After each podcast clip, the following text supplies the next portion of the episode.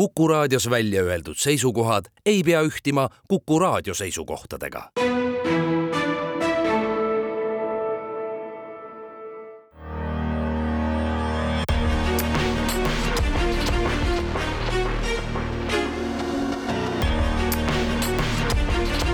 välismääraja. Tere sel pühapäeva keskpäeval, mina olen Neeme Raud tänane saade on salvestatud Brüsselis. Euroopa Ülemkogul kiitsid kahekümne seitsme liikmesriigi juhid heaks Ukrainale viiekümne miljardi eurose abipaketi järgnevaks neljaks aastaks. aga mis nüüd edasi saama hakkab, millal Ukraina seda abi konkreetselt saama hakkab, seda küsin kohe Eesti suursaadikult Euroopa Liidu juures Aivo Oravalt. ja saate teine pool on salvestatud NATO peakorteris, kohe kõigest lähemalt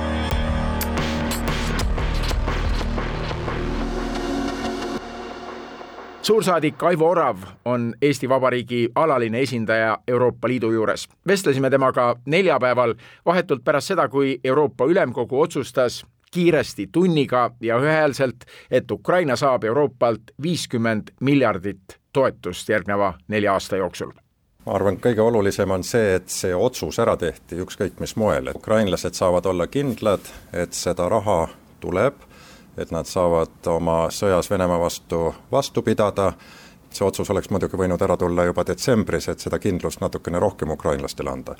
ja ma usun, et arvestades seda, mis praegu Ameerika Ühendriikides toimub, siis kindlasti on Euroopa väga hea näide ka USA kongressile. Kuidas see raha nüüd konkreetselt edasi liikuma hakkab, Euroopa Liidu puhul räägitakse ka sellest, et asjad käivad vahel väga aeglaselt, kas see abi hakkab nüüd homsest kohe Ukrainale liikuma või kuidas see protsess edasi läheb? noh, on ju praegu need rahad, mida Ukraina endiselt saab ja loomulikult siis Brüsselist vaadates tundub, et töö on tehtud, kui see finantsotsus on olemas ja kõik on korras. aga tõepoolest, et selleks, et see raha hakkaks nüüd jõudma sinna, kuhu vaja, see on väga pikk ahel, et kõigepealt siin Brüsseli poole peal ja siis, et see nagu korralikult seal jõuaks ilusti Ukraina kohale ja kui on suur raha, siis alati on ka korruptsioonirisk ja see ei puuduta ainult Ukrainat, see puudutab kogu äh, Euroopa Liidu rahalist abi, mida antakse üle maailma ja alati on ju risk, et kui niivõrd palju inimesi on seal, siis üks võib-olla on natukene korrumpeerunud. ja see tähendab ka seda, et see asi läheb aeglaselt, sest kontrollitakse seda, et mingisugust valesti kasutust ei saaks tekkida. Ja Ukraina peab siis nüüd andma oma need plaanid, kuidas seda raha kasutatakse, need plaanid on valmimas, Neid nad valmistasid kogu aeg ette, aga neil ei olnud lihtsalt mõtet seda plaani ennem esitada, kui ei tea, kas seda raha saab. nüüd Euroopa Komisjon, kes siis vastutab selle raha andmise eest, räägib Ukrainaga kiirelt läbi, loodame siis, et see kõik hakkab jõudma sinna nii, nagu neile vaja on. nii et äh, sellist imet, et nüüd homsest on Ukrainal see raha juba pangaarvel, seda ei oota me? Päris niimoodi ei saa, et mingisugune miljard või paar kukub sinna pangaarvele, et noh, kes siis, kuidas või mida sellega tehakse, et meil peab ikkagi kontroll olema, mis selle rahaga tehakse. sest lõppkokkuvõttes on see oluline nii Läti kui Portugali kui Ungari maksumaksjale, et seda raha tõepoolest ka korralikult kasutatakse siin liidrid ülemkogul ka ju otsustasid, et hakatakse jälgima selle raha kasutamist. jah, kasutamist jälgitakse nagu tavaprotseduuridega, mis on sisse töötatud kõikides riikides, kuhu Euroopa Liit oma abi annab, aga nüüd siis see, mis aitas Ungaril nõustuda, oli siis nendes ülemkogu otsustes kaks lauset, mis siis ütlesid, et iga-aastaselt komisjon hakkab siis andma aru, kuidas seda kasutatakse ja mis selle noh, kokkuleppe siis tõi, millega Ungari nõustus, oli see, et kui eh, liidrid vajalikuks peavad, siis nad võivad komisjoni paluda, et see esitaks siis ettepanekud selle abi ülevaatuseks aga see nüüd tähendab seda, sest ennem spekuleeriti, et Ungari tahab endale iga-aastast võimalikku vetot uuesti, et kuidas seda raha kasutada. Praegu seda vetot seal ei ole. praegu on vastupidi, et kui Ungari või mõni teine riik peaks noh, põhjuseta hakkama survestama seda, et seda abi hakata üle vaatama, siis selleks on vaja konsensust. ehk siis kõik riigid peaksid nõus olema, et nad paluvad komisjoni, et see niisuguse ettepaneku teeks ja siis me alles vaatame. nii et selles mõttes, kui asjad muidugi halvaks lähevad, on selge, et et, me ei saa sinna raha anda, kui, kui midagi valesti on. aga lihtsalt, et Ungarile mingit lisaveto võimalust ei antud. neljaks aastaks on see raha kinnitatud. et seda abi andmist hakatakse nüüd jälgima, see ei tähenda, et Ukraina suhtes oleks mingisugused kahtlused, kõhklused, eelarvamused? ei, see on täiesti tavaline protseduur, sest kui on Euroopa Liidu maksumaksjate raha, siis Euroopa Liidu maksumaksja peab olema kindel selles, et seda raha eesmärgipäraselt kasutatakse. räägime veel Ukrainast, Ukraina sai ka liitumisläbirääkimistele kutse, kuidas see protsess siit Brüsseli vaatest areneb? See protsess areneb nüüd niimoodi, et kuna komisjon oma laienemisaruandes leidis, et nendest sammudest, mida Ukraina pidi täitma, et liitumisläbirääkimisi alustada, seal neljaga on veel pisut siiski midagi teha, siis oodatakse nüüd, et märtsikuuks Ukraina täidab need sammud, mis siis annab võimaluse avada noh, päriselt need läbirääkimised see tähendab seda, et tuleb siis kokku valitsustevaheline konverents, ilusaid kõnesid peetakse ja öeldakse, et nüüd on need läbirääkimised alanud. ja võetakse vastu siis ka niisugune dokument, mida kutsutakse läbirääkimiste raamistikuks, mille alusel neid läbirääkimisi peetakse. aga nüüd aasta algul algas juba selline protsess, mida kutsutakse sõelumiseks või inglise keeles screening, ehk siis võrreldakse Euroopa Liidu ja Ukraina seadusandlust, see on tohutu töö, väga bürokraatlik et noh, sealt siis sõelutakse välja, et mida Ukraina oma seadusandlusega peaks tegema üleüldse, et ta vastaks siis Euroopa Liidu standarditele, mida läbirääkimistel neilt üldse nõuta. ja noh, tavapäraselt on see kestnud kuni aasta, niisugune protsess. aga me väga loodame, et komisjon, kes on näidanud erakordset võimekust Ukrainaga tegelemisel ja Moldovaga samamoodi, suudab seda kiiremini teha ja me loodame ka, et komisjon valmistab need läbirääkimisraamistikud ette, selle ettepaneku, sest siis liikmesriigid peavad selle läbi rääkima omavahel veel. ja kui siis need tingimused on täidetud, siis põhimõtteliselt järgmisel tunnil me saame juba kokku kutsuda selle valitsusvahelise konverentsi ja nende läbirääkimistega tõsiselt alustada. mis ajaperspektiivist me räägime? siin kohati tundus, et Ukrainale lihtsalt taheti anda see kutse liitumisläbirääkimistele, et neid innustada ja neid kuidagi moraalselt toetada praeguses seisus kui kaua see kõik aega võib kesta? no seda ei oska nüüd keegi öelda, sest eks need, kes soovivad liituda, nad arvavad, et nad saavad nende asjadega väga kiiresti ja kärmelt valmis. Kui me tagasi mõtleme iseendi peale, siis me olime ju kogu aeg veendunud, et meie oleme ammu valmis, aga nemad seal Euroopa Komisjonis ei suuda nagu piisavalt kiiresti neid pabereid liigutada ja, ja analüüsida, mida me teeme. ja sama veendumus on kindlasti Ukrainas ja Moldovas ja mitmetes Lääne-Balkani riikides, kes samamoodi arvavad, et Euroopa Liit võiks palju kiiremini neid asju teha. nii, aga Euroopa Liit tõepoolest on väga kiiresti liigutanud selle Ukraina liitumisläbirääkimiste ettevalmistamisega. Ja siin ma tuletaksin meelde, et pisut rohkem kui kaks aastat tagasi, kui toimus Euroopa Liidu idapartnerluse tippkohtumine, siis meil olid pikad vaidlused selle üle, kas liidrid saaksid siis oma otsusesse kirjutada lause, et Euroopa Liit on märganud, et Ukraina tahab liikuda Euroopa Liidu suunas. ja me ei saanud kokkuleppele, sest mitmed riigid olid vastu, et see on liiga palju. ja siis täna oleme siin, et me alustasime liitumisläbirääkimisi Ukrainaga.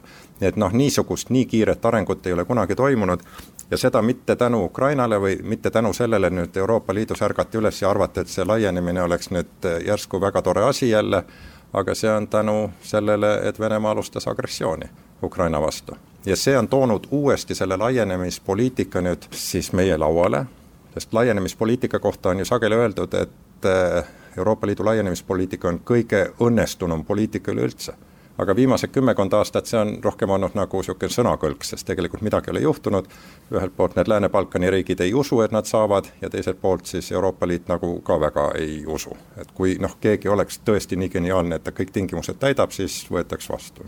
Montenegro näiteks, keegi ei pane tähelegi, kui nad sisse saavad. Nad on nii väikesed, aga keegi ei ole neid tingimusi täitnud. aga nüüd see Ukraina on andnud nagu sellise tuule tiibadesse ka kõigile teistele äh, kandidaatriikidele.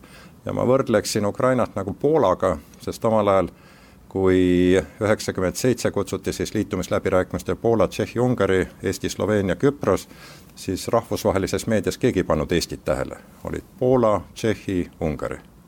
ja meie töö oli siis lihtsalt läbirääkimistel üritada olla natukene parem kui Poola, et meid ära ei unustataks.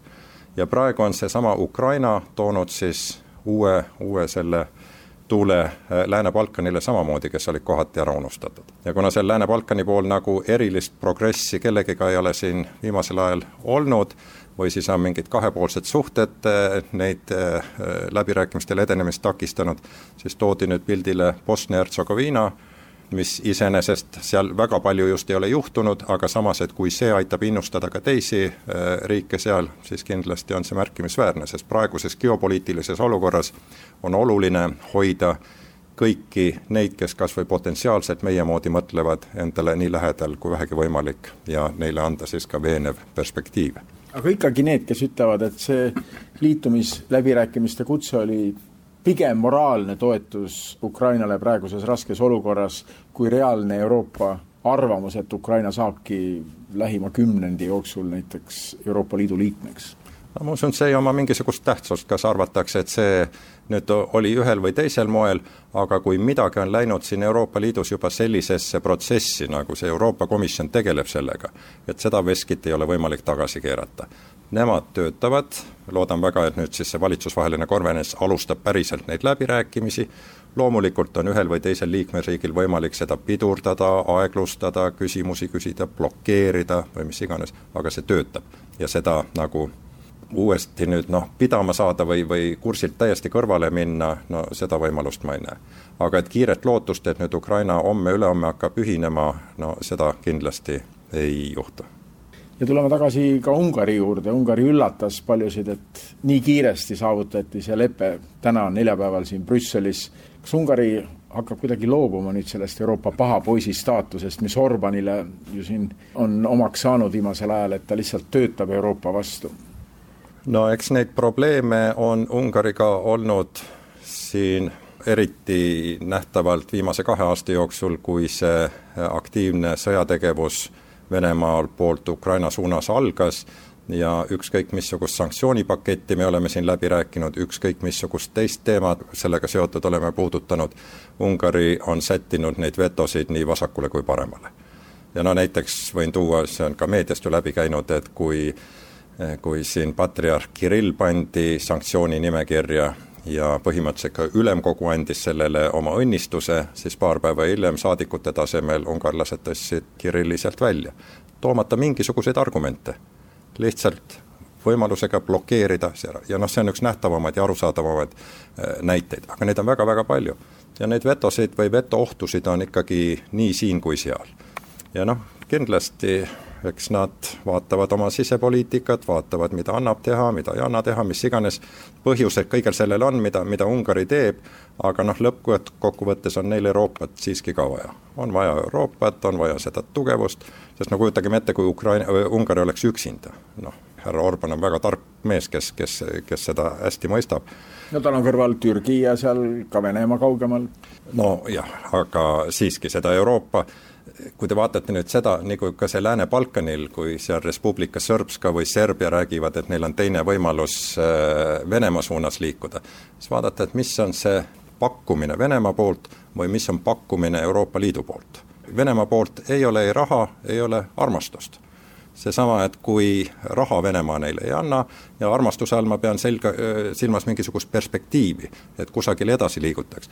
ja üks hea näide on praegu see, et kui serblased, see käis palju meediast läbi, et serblased läksid siis Ukraina-Venemaa poolel võitlema ja siis nagu selgus, et neid ei oodanud seal väga keegi, et oli igasuguseid ahistamisjuhtumeid ja oli neil soovitatud siis minna ühe magasiniga võitlema ja võtta siis korralikud relvad ukrainlastelt, noh, see näitab, et see armastus nagu ei ole kahepoolne mitte kuidagi.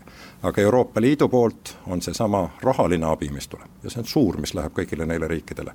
ja täpselt samamoodi see piltlikult see armastus või perspektiiv, ühineda, tulla, meie, meie pereks saada ja see on valuline, sest Euroopa Liit tavaliselt ei luba nagu väga palju, aga kui Euroopa Liit on lubanud, siis lõppkokkuvõttes ta ka teeb selle asja ära. ja see näide on samane viiskümmend miljardit, mis täna ära otsustati, et noh, need lubadused tulevad väga vaevaliselt, aga kui on tehtud, siis Euroopa Liit on alati kindel partner, kes seda kõike lubab. ja seda teavad nad kõik seal nendes kohtades, kes räägivad meile sellest, et, et on mingi teine variant. ja sama käib ka Ungari kohta, Ungari teab, Ungari vajab Euroopat, Ungari vajab Euroopa raha, Ungari vajab seda kindlust ja Ungari teab hästi, mis tähendab olla liiga lähedane Venemaa või tollase Nõukogude Liiduga, neil on ju omal väga-väga kurvad kogemused sellest ajast. Ühte teemat tahaksin veel puudutada, Venemaa külmutatud varad, Euroopa Komisjon on siin pikalt väitnud esialgu, et neid varasid ei suudetud kaardistada, nüüd on nad kaardistatud, nüüd teatakse, aga et millal siis võidakse hakata kasutama neid varasid Ukraina toetamiseks. tänasel ülemkogul ka räägiti sel teemal ja komisjon ütles, et me jätkame sellega tegelemist. mis see me jätkame tähendab? see on väga konkreetne asi, millega tegeldakse. et jah, kõik võtab aega siin Euroopa Liidus. et kui nüüd peaaegu kaks aastat tagasi, sõja neljandal päeval, Euroopa Liit otsustas katkestada tehingud Venemaa keskpangaga, mis tähendas siis äh, reaalselt seda, et äh, Venemaa varad siin külmutati ja ma mäletan seda hästi, see oli nädalavahetusel, kui see toimus, need, need läbirääkimised. ja meil oli väga tähtis, et pühapäeval me lõpetaksime need ära, et see otsus ilmuks veel enne tööpäeva algust äh, Lääne-Euroopa riikides, selles äh, ametlikus teatajas Euroopa Liidu omas, et keegi ei saaks Venemaalt neid rahasid välja võtta. nüüd need rahad olid Euroopas laiali, seitsmes liikmesriigis ja kõige rohkem on nad siin Belgias ja kuskil ei ole reguleeritud, mida selle rahaga teha võib. ehk siis ta põhimõtteliselt saab ju selle raha pealt päris palju intressi teenida, aga seda ei ole kuskil öeldud, et seda võib. ja mis selle rahaga edasi tehakse. ja nüüd siis võttis Euroopa Komisjonil väga pikalt aega, et see ettepanek teha mitmed liikmeriigid olid sellele vastu, ka Euroopa Keskpank oli sellele suvel vastu, et selle asjaga tegeleda, kuna võib tekkida finants ebastabiilsus, aga see ettepanek nüüd siis tuli. Ja nüüd, eh, kui see ettepanek tuli, komisjon teeb ettepaneku, liikmesriigid räägivad läbi ja siin saadikute tasemel me kahe nädala jooksul rääkisime läbi, mis on praktiliselt rekordkiirus ja otsus on olemas, et kõigepealt võib selle äh, külmutatud vara pealt intressi teenida ja punkt kaks, need intressid pannakse kuskile kõrvale. aga nüüd punkt kolm puudub, sest seda komisjoni ettepanekus ei olnud, äh, jällegi mitme liikmesriigi vastuseisu tõttu ja punkt kolm ongi see, et seda raha aga ka põhiosa sellest külmutatud varast saaks kasutada Ukraina ülesehituseks. siin on needsamad argumendid, need, kes on sellele vastu. et kõigepealt võib see mõjutada nende arvates äh, maailma või äh, Euroopa äh, finantsstabiilsust, teiseks, et oleks juriidiline, juriidiliselt absoluutselt korrektne.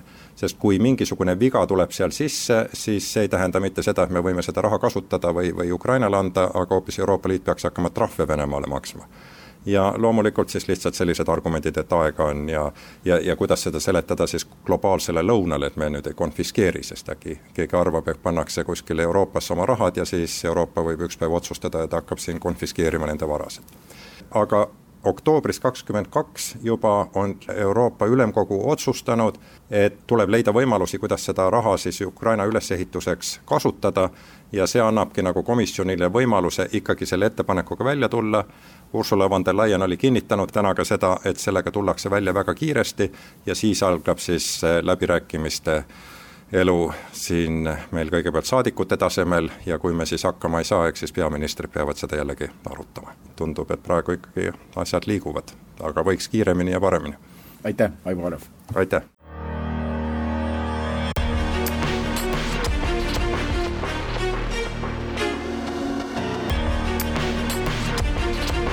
Välismääraja.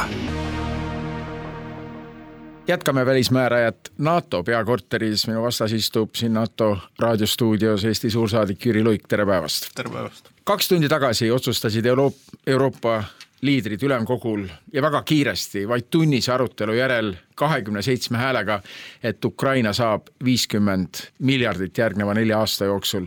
no see otsus on oluline nii Euroopa jaoks kui ka NATO jaoks. see on ka NATO jaoks oluline, sest no lõpuks kõik riigid, kes jagavad samu väärtusi eh,, ajavad ju sama asja ja loomulikult eh, nii NATO kui Euroopa Liidu jaoks on see sõda otseselt sõda Euroopas, nii et me mõlemad, Euroopa Liit ja NATO, oleme vastutavad selle eest, et ukrainlastel jätkuks piisavat relvastust ja meie saame neid selles võitluses äh, toetada, teha seda siis läbi kõigi kanalite, kahepoolsete NATO, Euroopa Liidu, igasuguste muude äh, Rammsteini mehhanismi. Pole ju saladus, et äh, selle kokkuleppe saavutamine ei olnud lihtne ja kindlasti oli probleemiks eelkõige Ungari peaminister Orban. mida täpselt kinnistes ruumides räägiti, ega me seda keegi ei tea, aga fakt on see, et eriti viimastel nädalatel tõusis pinge, niisugune ärrituvus Orbani osas ja ilmselgelt ühel hetkel otsustas ta järgi anda, sest mäletatavasti tema viimane nõudmine, tema viimane kompromissettepanek oli see, et jah, viiskümmend miljardit, aga igal aastal siis kinnitatakse mingi teatud osa sellest viiekümnest miljardist. aga lõpuks oli ikka nii, et lepiti kokku, et vaadatakse igal aastal tõepoolest see summa kasutamine üle, kuid kellelgi ei ole vetoõigust. ka NATO teemal on Orbanil oma arvamus, mis puudutab Rootsi pääsemist NATO-sse, võib-olla ka see otsus tuleb nüüd kiiresti, ta on lubanud, et Ungari parlament võtab selle nüüd lõpuks menetlusse. Eesti jaoks on see loomulikult eh, erakordselt tähtis eh, otsus, küsimus ei ole meie jaoks ju kaugeltki ainult põhimõttes või jagatud väärtustes, küsimus on otseselt selles, et Rootsi kaudu on võimalik, Rootsi on üks oluline tee selleks, et liitlased saaksid meile appi tulla Eh, mitmetel eri viisidel. nüüd, kus ka Soome on NATO-s, siis eh, Balti riikide kaitsmine muutub palju-palju lihtsamaks. selleks on vaja palju vähem ohvreid. see on ka tehniliselt palju lihtsam, nii et selle üle on loomulikult hea meel ja tõesti viimastel päevadel on tulnud mitte ainult otseseid vaid ka mitmeid kaudseid märke selles osas, et tõenäoliselt liigutakse ratifitseerimise suunas ja on ikkagi täiesti võimalik, et tehakse Ungari parlamendi erakorraline istung, äh, kus see asi siis äh, väga kiiresti ära otsutatakse, sest ametlikult tuleb parlament kokku alles veebruari lõppes. NATO enamusliikmed on ka Euroopa Liidu liikmed Euroopa Liit on hakanud ka tegelema kaitseküsimustega, ma arvan, et kuulajatel ja ka mul endal vahel on tekkinud küsimus, et kus need jooned siis nüüd lähevad, et kaitsega tegelevad hetkel nagu kõik, NATO on see peamine kaitseorganisatsioon, aga ka Euroopa Liit räägib kaitsest ja siis need Euroopa autonoomse kaitse plaanid, millest Prantsusmaa räägib, mis ka ei ole unustatud. kus need jõujooned lähevad, maalime selle kaitsekaardi Euroopa jaoks.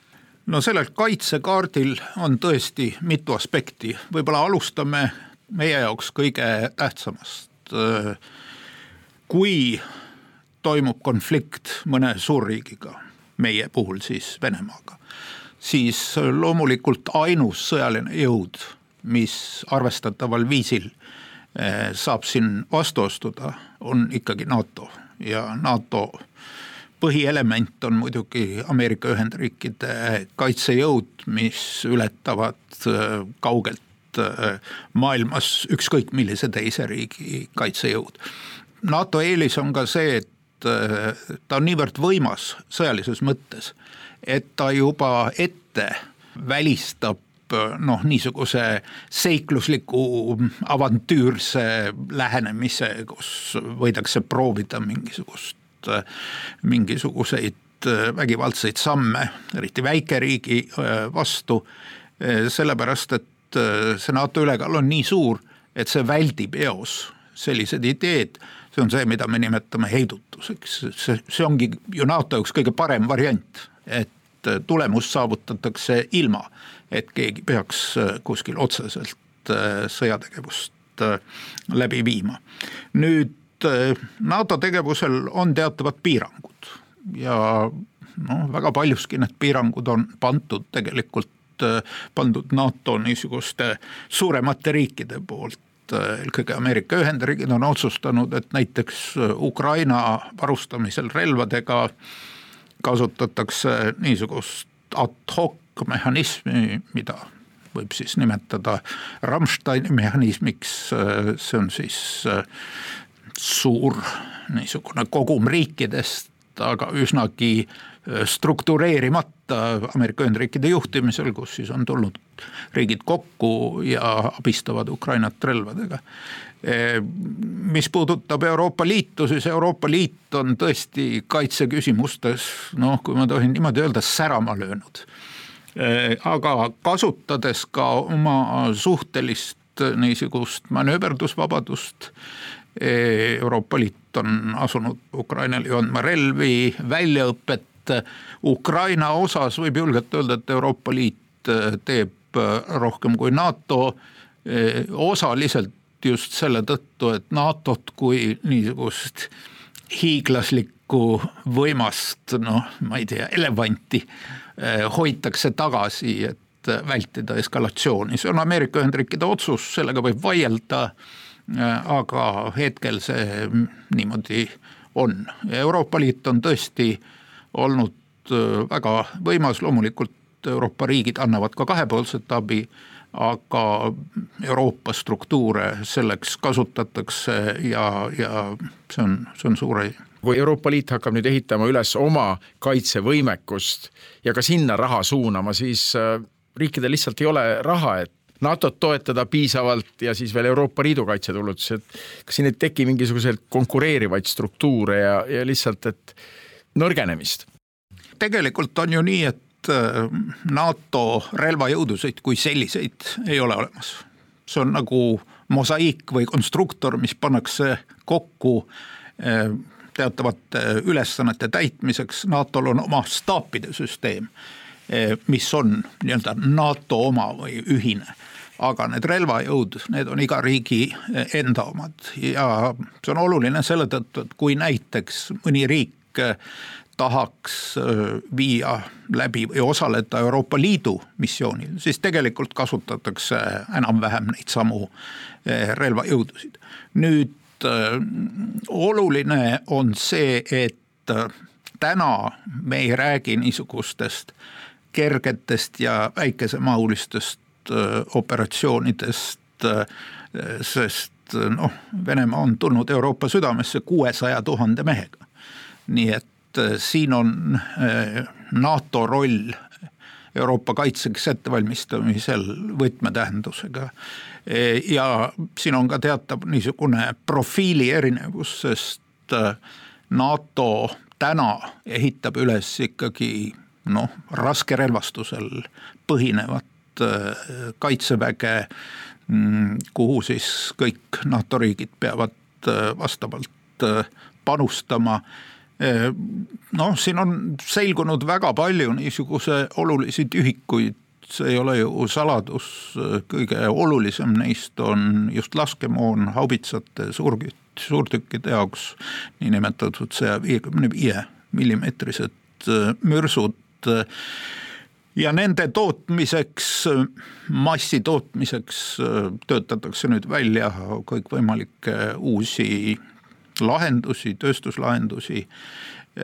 ütleme niimoodi, et aastaid ja aastaid külma sõja lõpust peale ei kujutatud ette, et võiks toimuda selline konflikt, noh, kus piltlikult öeldes kulub nii palju mürske, et neid peaks terved laod täis tootma. nüüd Ukraina kogemust vaadates on sellest muidugi aru saadud ja see laskemoona Mm, tootmine käib. siin on nüüd eraldi äh, aspekt on see, et toota tuleb mitte ainult oma riigi kaitseks, vaid toota tuleb ka Ukraina kaitseks. ja jällegi see Ukrainale mürskude andmine ei toimu läbi NATO, vaid see toimub just nimelt läbi teiste struktuuride, Euroopa Liidu, kus on Eesti poolt Äh, ideena käivitatud siis niinimetatud miljoni mürsu algatus, mis võib-olla ei ole läinud nii hästi, kui, kui loodeti, aga poliitiliselt on riigid sellega ikkagi tõsiselt seotud, kaasa arvatud Euroopa suurim majandus Saksamaa ja Saksa kaitseminister Pistorius nii et ma usun, me selle miljoni mürsuni ikkagi jõuame, võib-olla mitte sellel hetkel, kui, kui me enne, enne plaanisime. ja ka muidugi kahepoolselt äh, antakse relvastust äh, Ukrainale, aga nagu öeldud, ka NATO ise peab olema piisavalt äh, hästi relvastatud ja teine suur tühimik on muidugi õhutõrje, noh, see on jällegi äh, need on relvad, mis on väga kallid, väga peened äh, ja väga palju neist on täiesti õigustatult antud äh, Ukrainale, nii et jällegi need on seadmed, mida tuleb kiiresti juurde toota küsin otse, kas NATO kaitseplaanid Eesti jaoks on nüüd lõpuks valmis? oleme kuulnud siin NATO tippkohtumisel Madridis ja seejärel Vilniuses, et plaanid on valmis ja siis kuuleme jälle, et neid timmitakse veel. Kus NATO oma plaanidega on, need plaanid on salastatud, neid ei saa avalikustada, aga kus NATO oma plaanidega on? Need plaanid siis uuendatud või uued plaanid, mis otsustati teha Madridi tippkohtumisel juba kaks aastat tagasi, need on praeguseks me kasutame sellist terminit käivitatud ja mida see käivitamine tähendab, see tähendab seda, et need plaanid on vägedega kaetud, noh, plaan ju ei sõdi, eks ole. Sa võid paberile tõmmata lõputult jooni ja, ja kirjutada kõikvõimalikke äh, tekste, protseduure, aga põhiline on loomulikult need väed. see vägede väljaehitamine, see on niisugune pidev protsess, sellepärast et vägesid tuleb üha moderniseerida, loomulikult niisugused kollektiivkaitsemahud eeldavad ka üksuste arvu märgatavat suurendamist, nii et see töö käib kogu aeg. ja, ja üldiselt nagu sõjaväelased rõhutavad, plaan on selles mõttes niisugune elav dokument, et loomulikult kui sõltuvad mingisugused, selguvad mingisugused muud asjaolud, siis seda plaani saab ka muuta ja korrigeerida, et see, see ei ole kindlasti mitte kivisse raiutud, aga kui küsida, kas uued plaanid on nüüd käivitatud, siis jah, nad on käivitatud. Eestis läks vahepeal aasta lõpul ja uue aasta alguses jutt sellele, et sõda on möödapääsmatu. samas unustati kuidagi see NATO heidutuse aspekt ära, et, et NATO tegeleb ju sellega, et see sõda ei algaks. kuidas siit NATO peakorterist vaadates on ida suunas, meie suunas, kas see sõda seal on möödapääsmatu? ei, siit NATO peakorterist vaadates ei ole sõda möödapääsmatu selles mõttes, et igasugused sõjad, nagu sa viitasid, sõltuvad ka väga palju sellest, mida me ise teeme ja kuidas me ise ette valmistame ja milline on meie heidutusjõud ja heidutuse usaldusväärsus, sest alati on väga tähtis, et see heidutus mõjuks veenvalt ja vastane tajuks, et ta seisab vastamisi niisuguse ühtse ja alati reageerimisvalmis jõuga. vaadates praegu kõike seda, mis toimub minu arvates NATO heidutus toimib vägagi efektiivselt, no mõtleme kasvõi seda, et Eestis on praegu USA väed, Suurbritannia väed, Prantsuse väed, nad on siis kolm tuumariiki. Äh, samas on Eestis ka Eesti õhuruumi kaitsevad NATO hävitajad. ma meenutan ka, et NATO luure- ja eelhoiatussüsteem avaks viibib väga tihti Eesti, ütleme siis tinglikult Balti riikide õhuruumides, õhuruumis.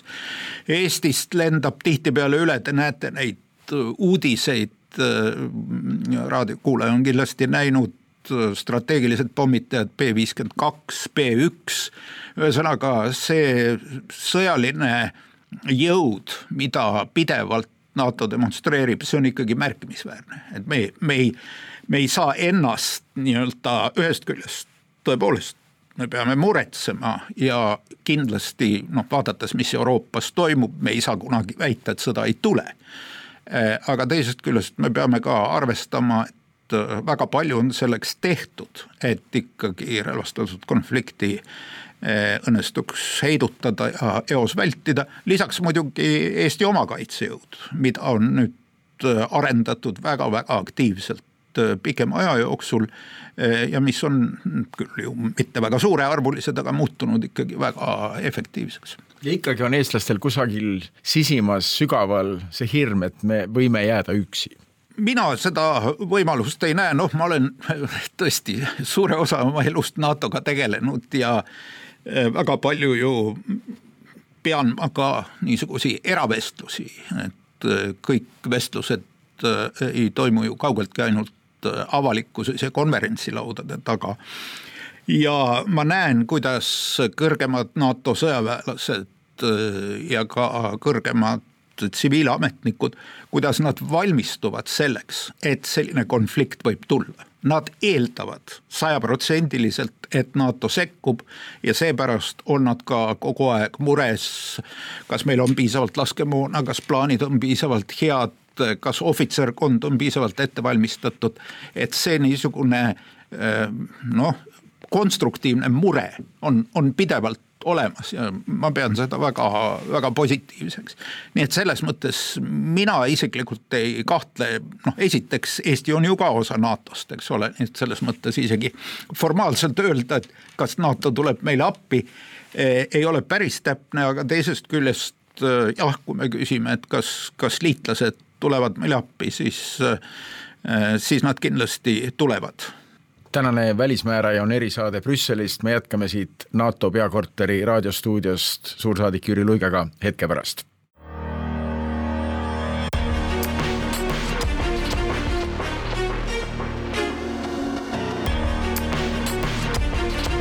välismääraja välismääraja jätkab NATO peakorteris raadiostuudios on minu vastas Eesti suursaadik Jüri Luik. aeg-ajalt lekib ajakirjandusse õppuste stsenaariume, kus mängitaksegi läbi, et Venemaa ründab näiteks ühte Balti riikidest, neid õppusi on olnud ka Eesti enda territooriumil, kus seda mängitakse läbi ja Venemaa oma õppustel on seda läbi mänginud ja korraga tekib tunne, et see on nagu mingi reaalsusstsenaarium, mille poole liigutakse, unustatakse ära, et see on siis see õppelahingu stsenaarium, mis seal saksa ajakirjas Bild just ilmus näiteks. jaa, kõikvõimalike õppuste stsenaariume mängitakse läbi, mängitakse läbi ka neid samu plaane on selles mõttes oluline, et jällegi ükski plaan ei sõdi ja tegelikult ka ükski üksus ei sõdi eraldi võetuna. kogu see eh, plaan põhineb ikkagi sellel, et väga paljud eri riikide üksused sõdivad väga hästi koordineerituna.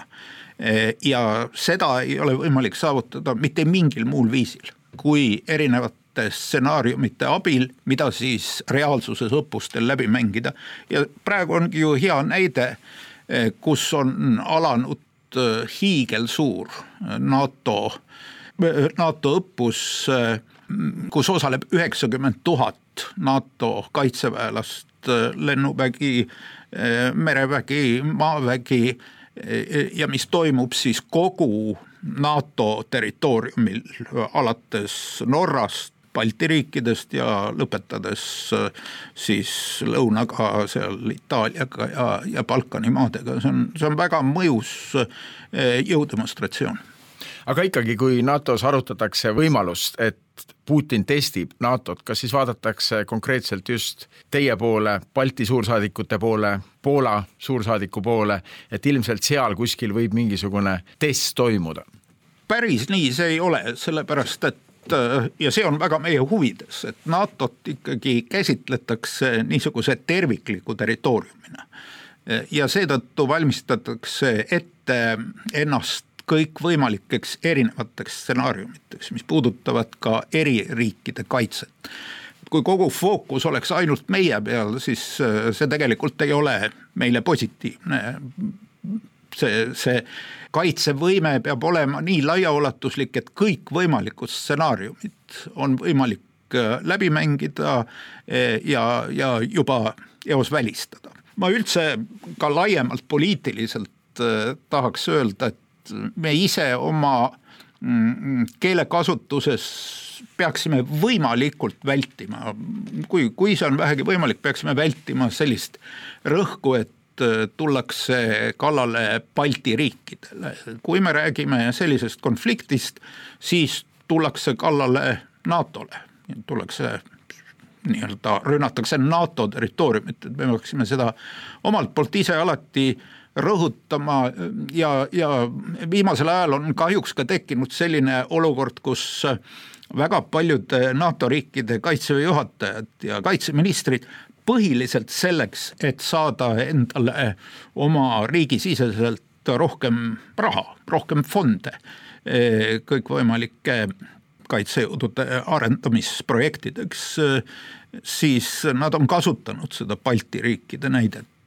Ja, ja noh, see, see, see pole hea ja, ja seda peaks vältima nii palju, kui see vähegi võimalik on aga kui kuskil ikkagi seda kasutatakse, muudab närviliseks küll Eestis, kui sellest loed. loomulikult ja noh, siin tuleb arvestada, et arvestades meie ajaloolist kogemust, lõpuks see on meil piltlikult öeldes seljaajus see tõdemus, see arusaam, et Eesti on väga väike riik Venemaa kõrval, Venemaal on olnud tihtipeale ambitsioone Balti piirkonnas.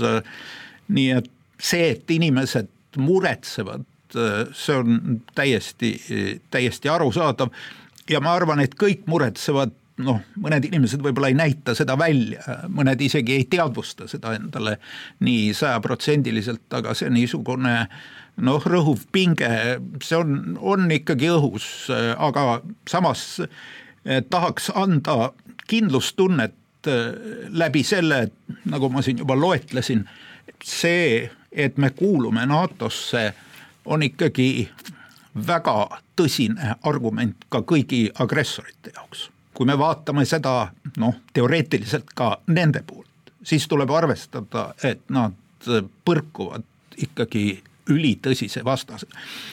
vahel unustatakse ära, et NATO-l on hoopis teistsugused sõjalised võimed, kui on Ukrainal.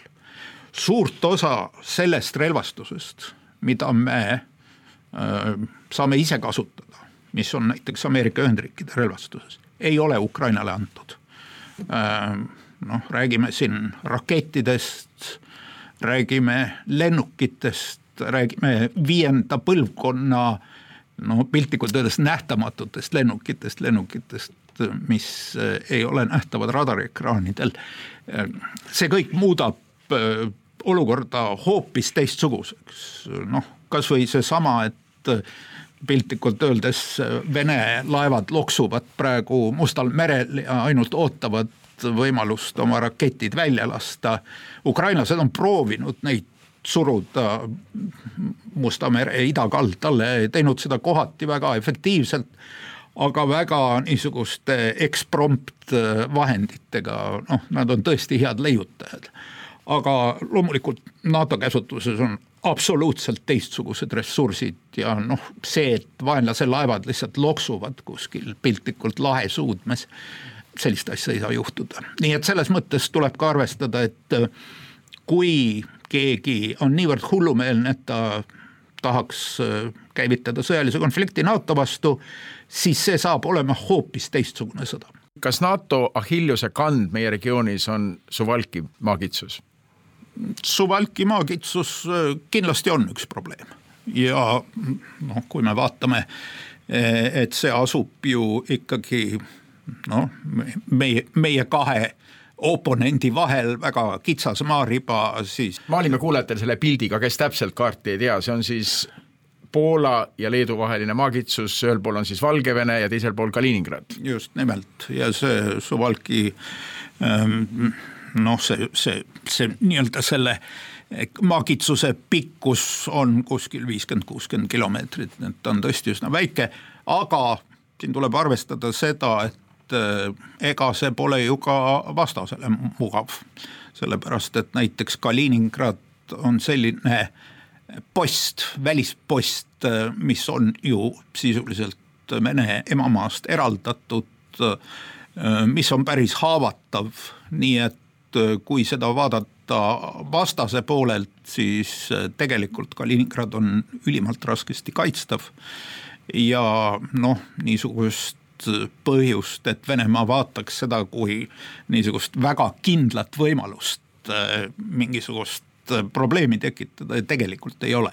hirm on see, et see lõigatakse ära ja siis maad mööda ei saa abi tulla Balti riikidesse. no just, just, aga ma ütlen veelkord, et see äralõikamine reaalses konflikti olukorras ei ole nii lihtne, kui võib-olla kaardi pealt paistab, et tõmbad lihtsalt ühe punase joone ja ongi ära lõigatud. igasugune äralõikamine tähendab ju mingeid konkreetseid sõjalisi aktsioone, seal on suured probleemid kindlasti NATO-l tänu sellele, et see on niivõrd kitsas maakitsus, aga ka vastasel saavad seal olema väga suured probleemid. ja noh, nagu ma ütlesin, nüüd, kus Soome on NATO-s ja Rootsi loodetavasti on kohe-kohe NATO-s, avaneb meile arvutult kõikvõimalikke muid äh, võimalusi ja, ja muid lahendusi, äh, mis on äh, kindlasti ülimalt, ülimalt positiivne. Kas võib öelda, et suur valge elevant keset seda NATO peakorterit on USA lähenevad valimised, mis mõjutavad võib-olla ka NATO tulevikku, Donald Trumpi võimalik saamine tagasi presidendi kohale ja tema plaanid, kui mitte USA-d NATO-st välja tuua, siis vähendada võib-olla Ameerika panust NATO-sse. rahvusvaheline meedia on kirjutanud juba kuid sellest, et Euroopa kõrgemates koridorides tuntakse sügavat muret selle üle, mis Ameerikas võib saama hakata, on see siis see suur valge elevant siin, millest kõik mõtlevad, aga otseselt ei taha rääkida? no Ameerika Ühendriikide kaitsegarantii Euroopale on NATO tegevuse alussammas, kui nii väga lühidalt öelda. seetõttu kõik see, mis toimub Ameerika Ühendriikides sisepoliitiliselt, mis tänapäeval väga selgelt peegeldub ka välispoliitikas, vanasti ju Ameerika Ühendriikides öeldi, et meie vastuolud lõpevad USA piiridel.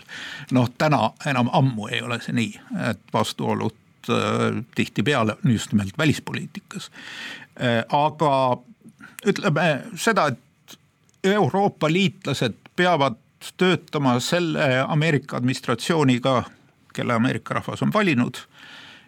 ja me peame iga administratsiooniga toime saama sellisel viisil, nagu see on võimalik, nii et kindlasti inimesed mõtlevad selle üle, kuidas äh, võimaliku Trumpi administratsiooniga ja Trump ei ole veel kaugeltki võitnud, selles mõttes, et see võitlus saab olema ülimalt tasavägine. aga kindlasti mõeldakse selle üle, kuidas Trumpi administratsiooniga on parem suhelda ja on täiesti võimalik, et on terve hulk äh, asju, kus võib-olla üks administratsioon võtab mingeid liitlastega seotud küsimusi loomulikult aga teine administratsioon on selline, kellega tuleb põhjalikumalt rääkida, aga ma olen ju isiklikult kõrvalt näinud väga mitmeid äh, poliitilisi sündmusi, kus Trump on osalenud, ma olin sellel kuulsal Brüsseli äh, tippkohtumisel siin NATO-s, kus väga kardeti, et Trump astub NATO-st välja. Äh, aga ta seda ei teinud ja ma olin ka, saatsin president Kaljulaidu tema kohtumisel USA-s president Trumpiga Äh, ka seal noh, ma ei näinud kordagi seda, et äh, Trump oleks reaalsuses vaidlustanud äh, NATO tähtsust ega ka seda, et USA-l on kaitsekohustus Euroopa riikides. ta sai sellest absoluutselt aru. aga tema jaoks oli väga suur küsimus see, et kas kõik panustavad võrdselt, et noh, Trumpi poliitika üks niisugune äh, lööklause on ju see, et äh, kas kõik kasutavad Ameerika Ühendriike ära. ja loomulikult äh, on väga oluline seoses ka nende samade kaitsekulutustega, et äh, USA oleks veendunud, et keegi ei kasuta neid ära, vaid kõik panustavad vähemalt vastavalt oma jõul ja, ja oma võimalustele. muidugi on mõnes mõttes kurb see, et paljud riigid vajavad kaitsekulutuste tõstmiseks niisugust Ameerika Ühendriikide ergutavat eh, sõna, ergutavat jõudu, võiks ju arvata, et eh, noh, praegust olukorda vaadates on see kõikidele riikidele eh, niigi selge. aga Trumpi ajal eelmine, tema eelmise valitsemise ajal tõusid märgatavalt kaitsekulutused ja see on kindlasti üks teema, kui Trump peaks võitma, mis tuleb jälle lauale. Eesti suursaadik NATO-s, Jüri Luik, aitäh selle väga sisuka sissevaate eest NATO-sse, aitäh! aitäh! sellega Välismääraja tänaseks lõpetab, mina olen Neeme Raud, ilusat rahulikku pühapäeva teile Eestis!